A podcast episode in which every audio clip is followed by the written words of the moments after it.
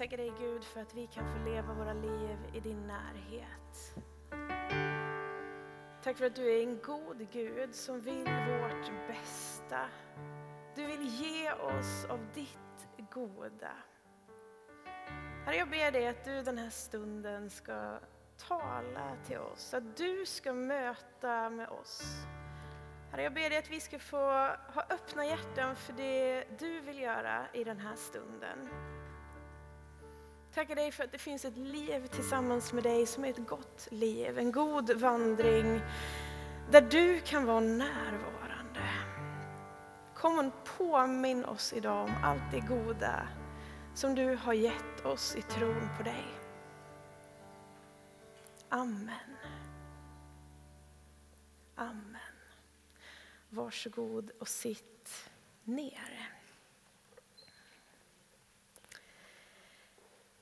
Vi har haft läger här i helgen, så min röst börjar låta lite småsliten och eh, du ser lite ungdomar här idag som kanske ser lite tröttare ut än vad de brukar göra en söndag förmiddag, så har de varit här sedan i fredags. Vi har haft ganska många möten och vi har sovit eh, ganska bra. Eh, och nu är det liksom finalen för dem. Så du som kom hit idag och inte har varit med resten av helgen, grattis! Du får vara med på finalen. Du får vara med på slutspurten. Liksom. Eh, vi har under den här helgen pratat om Bibelns röda tråd. Hur gamla och nya testamentet sitter ihop. Hur det finns en berättelse genom Bibeln som hela vägen pekar på Jesus. Vi har liksom försökt vaska fram genom Gamla testamentet hur Gamla testamentet pekar på Jesus, för jag tycker att det gör det. Och det finns löften redan tidigt i Bibeln. Abraham till exempel, en man som finns i Bibelns första bok, han får ett löfte som plockas upp och som följer med och som växer genom tiden, genom att Guds folk liksom på något sätt fortsätter att leva. Så genom historien så finns det ett löfte om Jesus som följer med.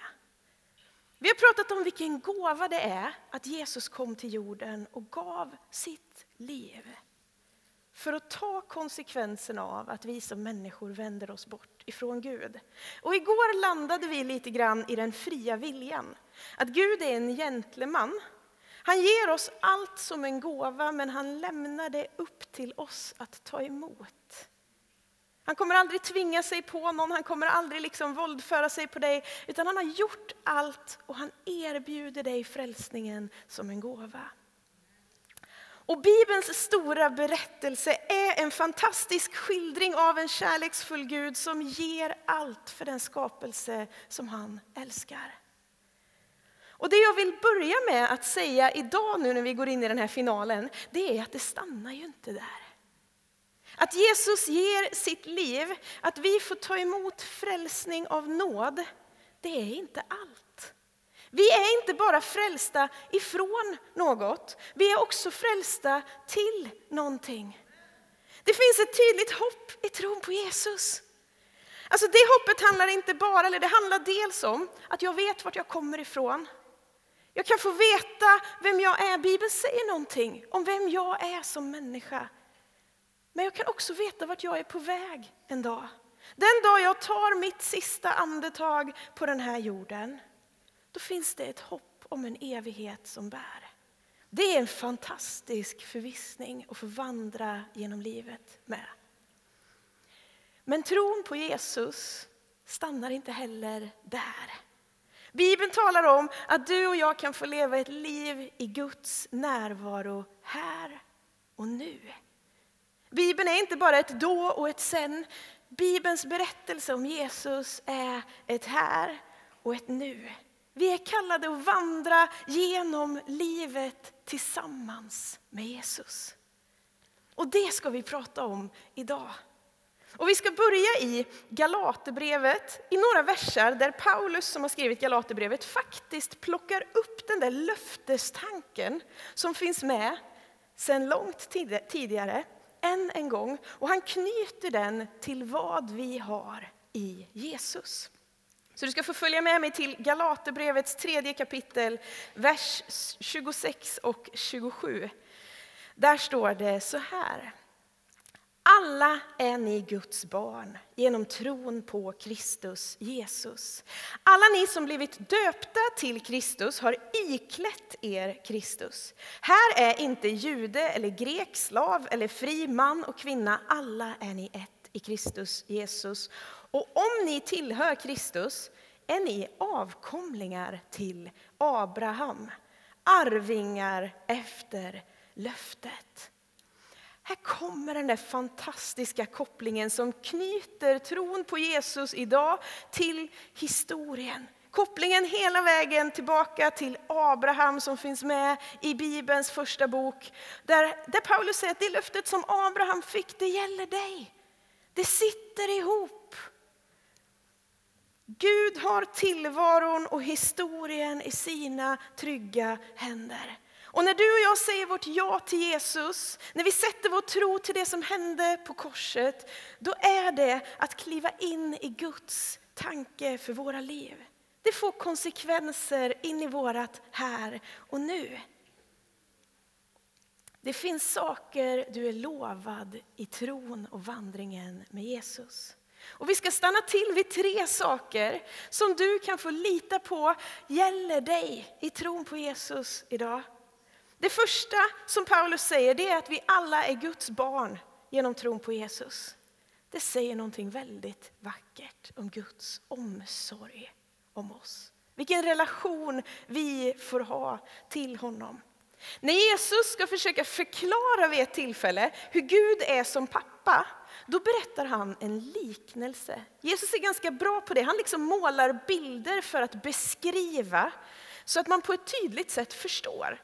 Jag älskar det med Jesus. Jag älskar att se saker i bilder som gör det vi tror på tydligare. Och när Jesus ska måla bilden av hur Gud är som pappa, då målar han, eller berättar berättelsen om den förlorade sonen. I den här berättelsen så har vi en rik pappa och en son som väljer att klippa alla band. En son som kräver ut sitt arv i förtid, som praktiskt taget säger pappa jag önskar att du vore död, jag vill ha mina pengar nu. Så han kräver ut sitt arv och utan eftertanke så slösar han bort precis allt det han har i sitt barnaskap. Och först när allt är borta så inser han hur bra han egentligen hade det. Han funderar på om han ens vågar återvända hem. När allt är slut och han är på botten så sitter han och funderar på, ska jag våga gå tillbaka? Han gör upp en plan för hur han ska kunna vädja till pappa om att låta honom komma tillbaka på något sätt. Inte som fullvärdig son, för det kan han inte ens tänka sig. Men kanske som en av arbetarna på gården. Och sonen börjar vandringen tillbaka. Jag kan tänka mig att det är en ganska jobbig vandring för honom. Och när Jesus då beskriver hur pappan står i horisonten och väntar på sonen. Han står där och spanar. Den här pappan som i rådande kultur, alltså den judiska kulturen, där sprang inte en man, det var under hans värdighet. Den här pappan rusar fram mot sin son. Han tar honom, omfamnar honom och kysser honom och ställer till med en fest, står det. Den här sonen som i berättelsen har vaktat grisar. Han var förmodligen inte speciellt städad, han luktade nog inte speciellt gott. Han hade nog ett ganska nerböjt huvud och en ganska ihopsjunken hållning. Han trodde inte riktigt att han skulle få platsa igen. Och det han möter i pappan, det är en far som kommer rusande. En far som står i horisonten och spanar, som längtar, som är redo att omfamna och ta in. Det finns inget i pappans agerande som säger att sonen behövde städa upp någonting innan han kunde komma in i huset igen. Det är inte så att pappan står och säger, ja fint att du är tillbaka nu, jag hade räknat med att det skulle bli så till slut. Om du går och tar en dusch så kanske du kan få en kram sen om du blir tillräckligt ren. Alltså pappan, han bara omfamnar, omsluter, visar sin oerhört stora kärlek. Vi kallar den här berättelsen för den förlorade sonen. Alltså frågar du mig så skulle berättelsen egentligen heta Den barmhärtiga pappan. Jag tror att vi lite oförtjänt lägger ganska mycket fokus på den där stackars sonen och hur man ska identifiera sig med honom och hur borta man ska vara innan man... Eh, och hej och hå. Alltså jag, jag tänker så här, jag tror att det här är Jesus stora berättelse om hur Gud är som pappa. Vilken oerhörd omsorg han har. Det finns inget nederlag, det finns ingen motgång som får Gud att sluta älska och stå i horisonten och spana och längta efter dig och mig. Det är en del av tillhörigheten som kommer med att vara ett Guds barn. En enorm kärlek som tar sig igenom precis allt. Men det är också så att om jag är barn till Gud och du också är det, så skapar det ju ett band oss emellan. Man får liksom familj på köpet. Det är så familj fungerar. Familj kan både vara roligt och knöligt, men Bibeln säger att vi är skapade för relation. Och då tänker jag att då är familj en ganska bra grej. Gud har liksom inte tänkt att du ska leva ditt liv ensam, att du ska klara av tron på egen hand. Han har tänkt att du ska bli en del av hans familj. Han erbjuder dig möjligheten att luta dig in i ett kristet sammanhang som gör tron större. Där vi får bära varandra, där vi får lära oss mer om Gud tillsammans. Kyrkan är den naturliga platsen för en människa som vill vandra med Jesus. Jag kan prata länge om kyrkan. Men det finns en tanke till i barnaskapet som jag skulle vilja dela med dig innan vi går vidare. Det är nämligen så att familjetillhörighet det kan vara viktigt på flera sätt. Råkar man till exempel heta Victoria, Ingrid, Alice, Desiree, Bernadotte och är dotter till kungen, då kommer det med vissa familjemässiga fördelar. Till exempel så får man växa upp i ett slott, man får stå på tur och bli Sveriges nästa regent. Eh, det hör till familjeskapet för den som växer upp i en kungafamilj. Och när Petrus ska sätta ord på det där med att vara ett Guds folk och tillhöra Guds familj, då skriver han så här i andra Petrusbrevet, det nionde kapitlet och den tionde versen. Men ni är ett utvalt släkte, ett kungligt prästerskap, ett heligt folk, ett Guds eget folk för att förkunna hans härliga gärningar. Han som har kallat er från mörkret till sitt underbara ljus. Ni som förr inte var ett folk är nu Guds folk. Ni som inte hade fått barmhärtighet har nu fått barmhärtighet. Jag vet inte hur ofta du går upp på morgonen, tittar dig i spegeln och tänker Wow, där har vi en kunglighet minsann. Eh, jag har inte gjort det speciellt många morgnar, men kanske är det en sanning som vi skulle behöva återupptäcka en aning. Alltså när du är ett Guds barn när du är familj, då är du familj även i det avseendet. Kungars kung, herrars herre, är den som kallar dig för sitt barn. Vi var med om en sak, det börjar bli några år sedan nu, kanske fem år sedan eller någonting, då jag hade ett samtal vid vårt köksbord hemma en dag. Det var vid den perioden då min dotter hade en sån där riktig prinsessperiod, fyra år gammal. Ehm, och en dag så kom en ganska rimlig fundering från den här fyraåringen. Hon sa, mamma, vad är det som gör att man blir en prinsessa på riktigt?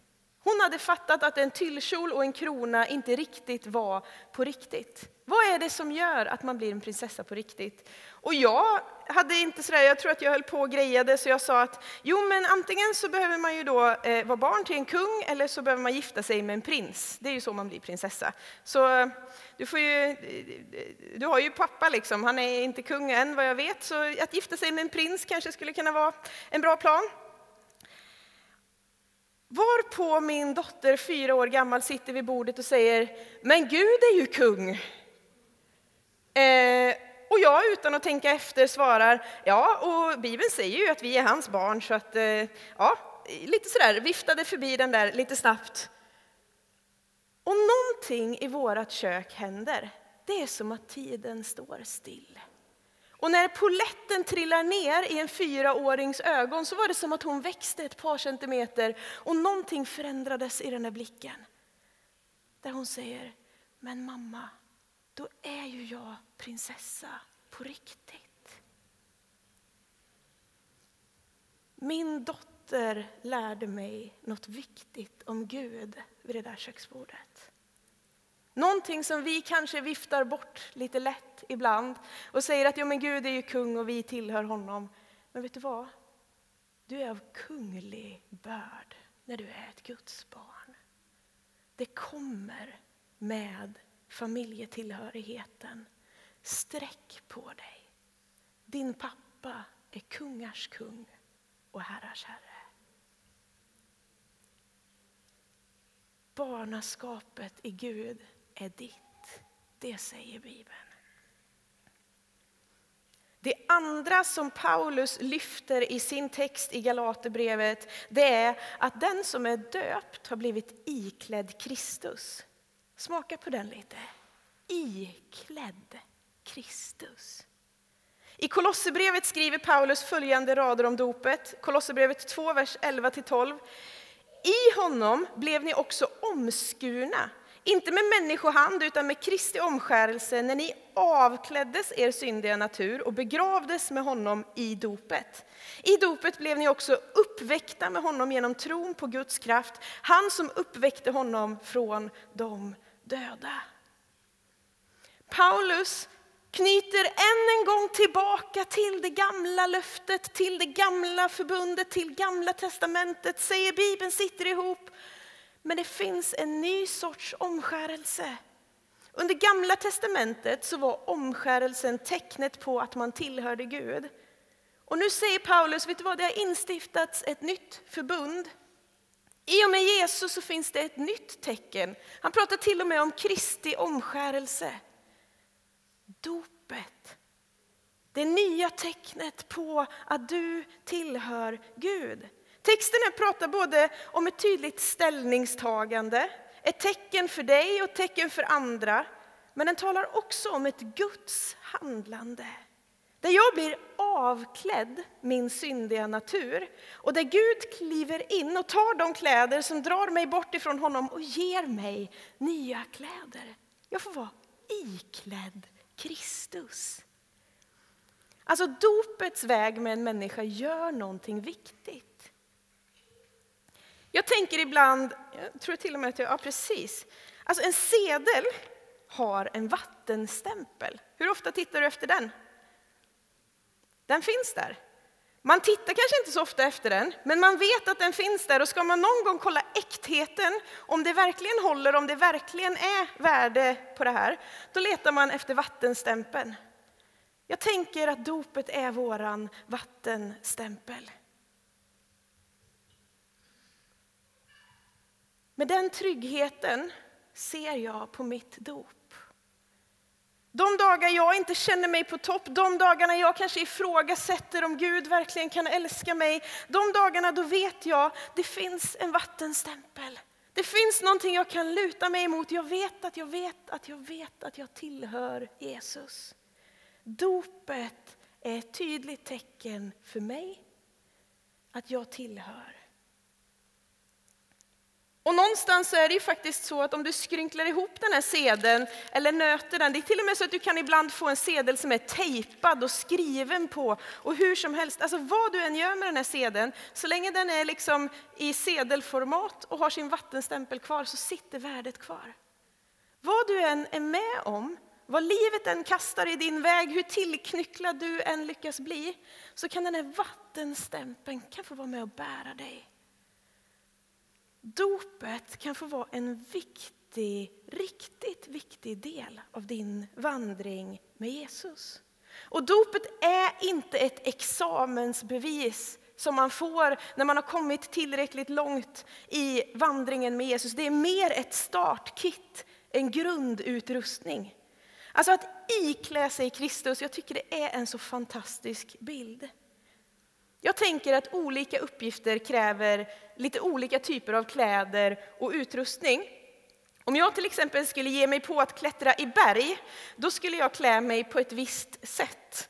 Eh, om jag sen skulle ha samma outfit för bergsklättring på mig och så skulle jag åka till sjukhuset, om jag nu skulle råka vara läkare eller så, och gå in i en operationssal, då skulle de stoppa mig illa kvickt. För det är fel typ av utrustning. Ska du in i en operationssal, då behöver du något annat på dig. Liksom. Olika saker kräver olika typer av kläder och utrustning. Man kan ha mängder av bra utrustning hemma i förrådet men om man inte använder den så fyller den ju inte sin funktion. Och jag tänker så här, det kristna livet, det är att kliva i Kristus, att bli omsluten, att bli iklädd. Det är att få rätt kläder för den vandring som han kallar dig och mig till. Det är alltså inte ett examensbevis, det är liksom grundförutsättningen Dopet är på många vis ett ställningstagande, men det är inte en engångsgrej. Dopet är något att leva i, att vandra i. Och det är här den här bilden av att bli iklädd Kristus passar så bra. Det är en stor grej den dagen man får nya kläder. Den dagen man får kliva ner i en dopgrav. Det är fest. Men vet du vad? Det är en väldig glädje varje dag jag har de kläderna på mig. Man har enorm nytta av sin utrustning varje gång man tar dem på. Även om det är lite extra glädje precis första dagen när det är nytt. Då, då är det fest. Men varje dag som du är klädd i Kristus så kommer du ha nytt av det i din vandring med Jesus. Så du som redan är döpt, vet du vad? lev i ditt dop. Våga lita på att du är rustad för det kristna livet som Gud kallar dig till. Och om det är så att du tror på Jesus men du inte har låtit döpa dig. Du kanske inte riktigt har fattat grejen, du har inte kommit till skott. Du tänker att du bara behöver fatta det där eller lära dig det där. Eller, vet du vad? Du behöver inte mer än tro på Jesus och vilja vandra med honom så är dopet rätt för dig. Om du inte är döpt och du skulle vilja prata mer om dopet eller du skulle vilja bli döpt, kom och prata med mig och Sandra efteråt. Så vill vi hjälpa dig och vi vill leda dig in i den välsignelse som dopet innebär. Den tredje saken jag tänkte stanna till vid, som finns för dig i livet med Jesus. Det är ett löfte som dyker upp redan under Gamla Testamentets tid hos profeten Joel. Ett löfte som talar om en tid då Gud ska utgjuta sin ande över alla som tror. Guds närvaro, helig ande, det är något du är lovad i vandringen med Jesus. Vid ett tillfälle i Apostlagärningarna så predikar Petrus och så står det att människor känner att någonting hugger tag i hjärtat på dem. Någonting händer och de känner, vad ska vi göra nu? Det är, något, det är något som rör vid mig här, vad ska jag göra? Då frågar de Petrus och de andra ledarna, vad är det vi ska göra? Och I Apostlagärningarna 2.38 så svarar Petrus, omvänd er och låt er alla döpas i Jesu Kristi namn så att era synder blir förlåtna, då får ni den helige Ande som gåva. Löftet gäller er och era barn och alla de som är långt borta, alla som Herren vår Gud kallar. Petrus knyter an till löftet som är givet sedan länge. Han säger att det kristna startpaketet på något vis är att säga sitt ja till Jesus, det är att låta sig bli döpt och att låta sig bli fylld av Ande. Det löftet gäller alla som tror. Löftet om Guds närvaro in i livet, det gäller dig. När vi pratar helig ande i kyrkan så är det inte bara ett uttryck för en mystisk kraft. Bibeln talar om helig ande som en person. Gud själv, den hjälpare som Gud sänder efter att Jesus återvänder till himlen. Och när Jesus ska förklara grejen med hjälparen för sina lärjungar och hur han som fysisk person inte kommer finnas kvar men att Gud ändå ska komma, då säger han så här i Johannes 16 och 7. Men jag säger er sanningen. Det är för ert bästa som jag går bort. För om jag inte går bort kommer inte hjälparen till er, men när jag går bort ska jag sända honom till er. Ibland undrar jag vad lärjungarna tänkte när Jesus sa sådär. Kan det inte vara så att man ändå ibland luras att tänka som människa att hade det inte varit bättre om Gud bara stod här? Jag hade kunnat prata med honom och det hade varit, alltså Jesus känns ju så, ibland tänker man att man hade velat ha liksom Jesus på jorden. Det skulle ju vara mycket enklare. Eller? Men Bibeln säger faktiskt att det är bättre med helig ande. Jesus själv säger att det är bättre med helig ande. Gud som inte är begränsad av en fysisk kropp till en geografisk plats utan hjälparen som tar sin boning i alla dem som tror. När du säger ditt ja så har Gud lovat dig helig ande. Vi pratar i kyrkan ibland om dopet i helig ande, att låta sig uppfyllas på ett alldeles speciellt sätt. Och det är en fantastisk möjlighet. Att bjuda in Gud och fylla på med sitt goda. Men du vet, anden kan inte heller reduceras till en engångshändelse. Vid ett tillfälle när Johannes beskriver anden och vad Jesus säger, så skriver han så här i Johannes 7 och 37. På den sista dagen i den största högtiden stod Jesus och ropade om någon är törstig, kom till mig och drick. Den som tror på mig, som skriften säger, ur hans innersta ska strömmar av levande vatten flyta fram. Detta sa han om anden som de skulle få som trodde på honom. Anden hade nämligen inte kommit än eftersom Jesus inte hade blivit förhärligad. Jesus på något sätt i förväg beskriver hur du och jag får ta emot ande. Strömmar av levande vatten inifrån. Alltså tänk dig en kran som alltid har vatten. Det är vad Bibeln talar om. Vi kanske inte är så fascinerade av en kran med vatten för vi har dem precis överallt. Men om man någon gång har befunnit sig på en plats där det inte finns tillgång till vatten då inser man väldigt snart hur van man är och hur oerhört lyxigt det är med vatten. Alltså när jag var 16 fick jag följa med min morfar till Afrika. Det hade regnat lite dåligt, så vattnet i vattenreservoarerna där vi var, de eh, var inte speciellt påfyllda, så då fick man inte duscha. Eh, en 16 år gammal Pernilla hade lite problem med det kan jag säga. Eh, och det var, alltså vi var där i fyra veckor. Det, det var en utmaning och man insåg hur oerhört eh, liksom hemmablind man är när vi pratar vatten. Och så säger Bibeln så här, vet du vad? Ett flöde som alltid är tillgängligt. En kran som alltid har vatten. Och jag tänker, i min, när jag målar den här bilden på något sätt, av den här kranen på insidan, så tänker jag inte att det är en kran som jag slår på och sen står den och bara rinner. Utan jag tänker mer att det är som en sån där kran som man får möta på ja, ett tåg eller en flygplats eller kanske på en camping. Där det är en sensor. Liksom. Ibland så är man lite frustrerad och funderar på hur, hur man ska lyckas få fram vattnet. Men man behöver liksom sticka fram händerna för att det ska komma vatten. Vattnet finns alltid, men jag behöver på något sätt visa att men nu, nu vill jag fylla på här. Lite så ser jag på min relation till Anden. Att varje gång som jag sticker fram mina händer och säger Gud, nu behöver jag mer av dig, då finns det att ta emot av. Ibland är jag lite dålig på att påminna mig själv om att göra det där. Men Bibeln säger att i tron på Gud så har du tillgång till Ande och när du väljer att sträcka fram dina händer, när du väljer att på något sätt söka Gud och säga Gud, nu, nu behöver du komma och fylla på. Då finns det vatten att få. Och jag vet inte liksom, hur du ser på dig själv, på din tro. Jag vet inte ens om du ser dig själv som troende. Om du inte har sagt ditt ja till Jesus så finns det en möjlighet för dig att göra det idag. Vi ger nästan alltid det utrymmet i våra gudstjänster. Om det är så att du skulle vilja bjuda in Jesus, du skulle vilja liksom på något sätt sätta ner foten i ditt liv och säga, ja men jag vill tro på dig Jesus.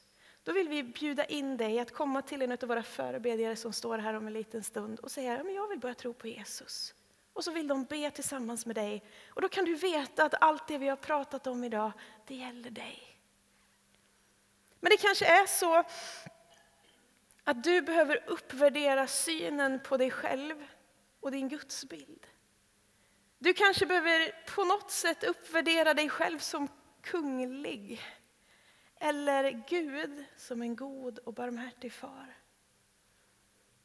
Du kanske behöver luta dig in i tanken på att ditt dop är en utrustning för en vandring som Gud har. När du funderar på hur du ska få ihop tillvaron och livet så säger Gud så här, vet du vad, jag har redan klätt dig i de kläder som du behöver.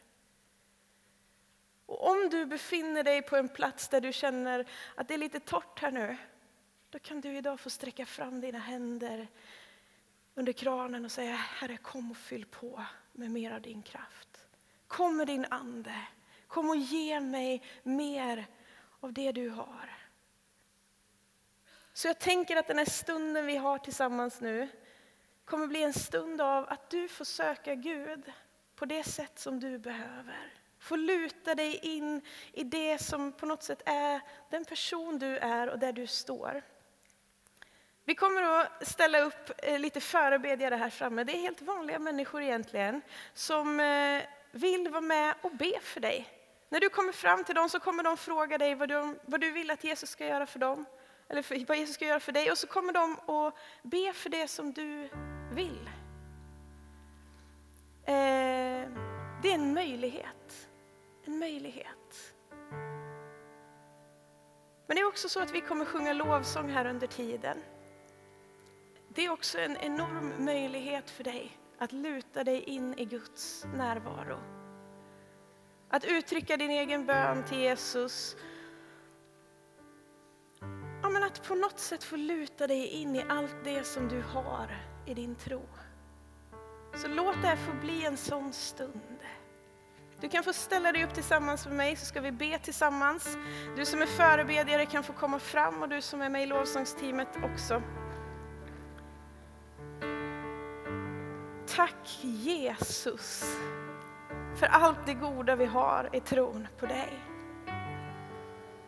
Tack att du är kungars kung, herrars herre och vi får tillhöra dig. Vi får vara dina barn. Vi är kungligheter på grund av vem du är.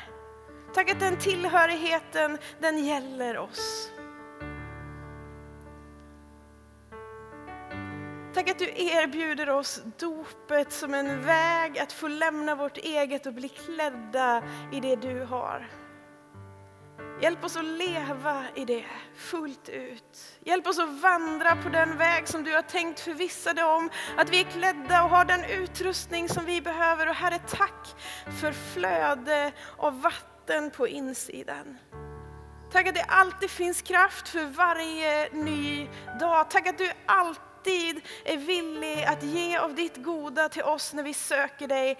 Herre, jag ber dig att du ska komma med din närvaro från himmelen i den här stunden, till den som behöver det. Jag ber dig gode far, att du bara ska på ett sätt väcka upp. Att du ska komma och påminna. Att du ska komma och röra igen. Att du ska komma och ge av ditt goda. Igår pratade vi ganska mycket om Abraham med ungdomarna. Abraham som fick ett löfte om att han skulle bli ett stort folk. Hur han fick vänta tills han var nästan hundra år gammal innan han blev pappa och vad det gjorde med honom. I början tror jag att han bad ganska intensivt över att få bli pappa och efterhand så tänker jag att han på något sätt visste att Gud hade lovat någonting men han vågade nästan inte tro att det kunde hända. När Gud kommer och säger att nu är Sara gravid, då skrattar han. De skrattar åt tanken på att de ska bli föräldrar när de är hundra år gamla. Och jag vet inte om du har saker som du har bett för, saker som du har ropat till Gud om, där du inte har sett någonting än. Det kanske har gått så lång tid att du nästan har slutat, men du vet att det Bibeln har lovat, det Gud har sagt, han är en trofast Gud, han står fast vid sina löften. Ibland så tar det ganska lång tid. En del saker får vi inte på den här sidan evigheten, men jag tror att det kanske finns saker som du skulle behöva återupptäcka idag. Det kan finnas böneämnen som du har liksom lite grann lagt på hyllan. Det kanske finns ett böneämne som du ska återta den här söndagen. Något som du ska våga börja be om igen. Något som du vill se. Känn dig frimodig att söka förbön oavsett vad ditt behov är. Vi vill be för dig om det är någonting som har vaknat i den här stunden. Vi vill be för dig om du är sjuk i din kropp. Vi vill be för dig om du har andra behov eller människor eller situationer som tynger ditt hjärta. Så välkommen till förbön och välkommen att luta dig in i lovsång och tillbedjan tillsammans med oss.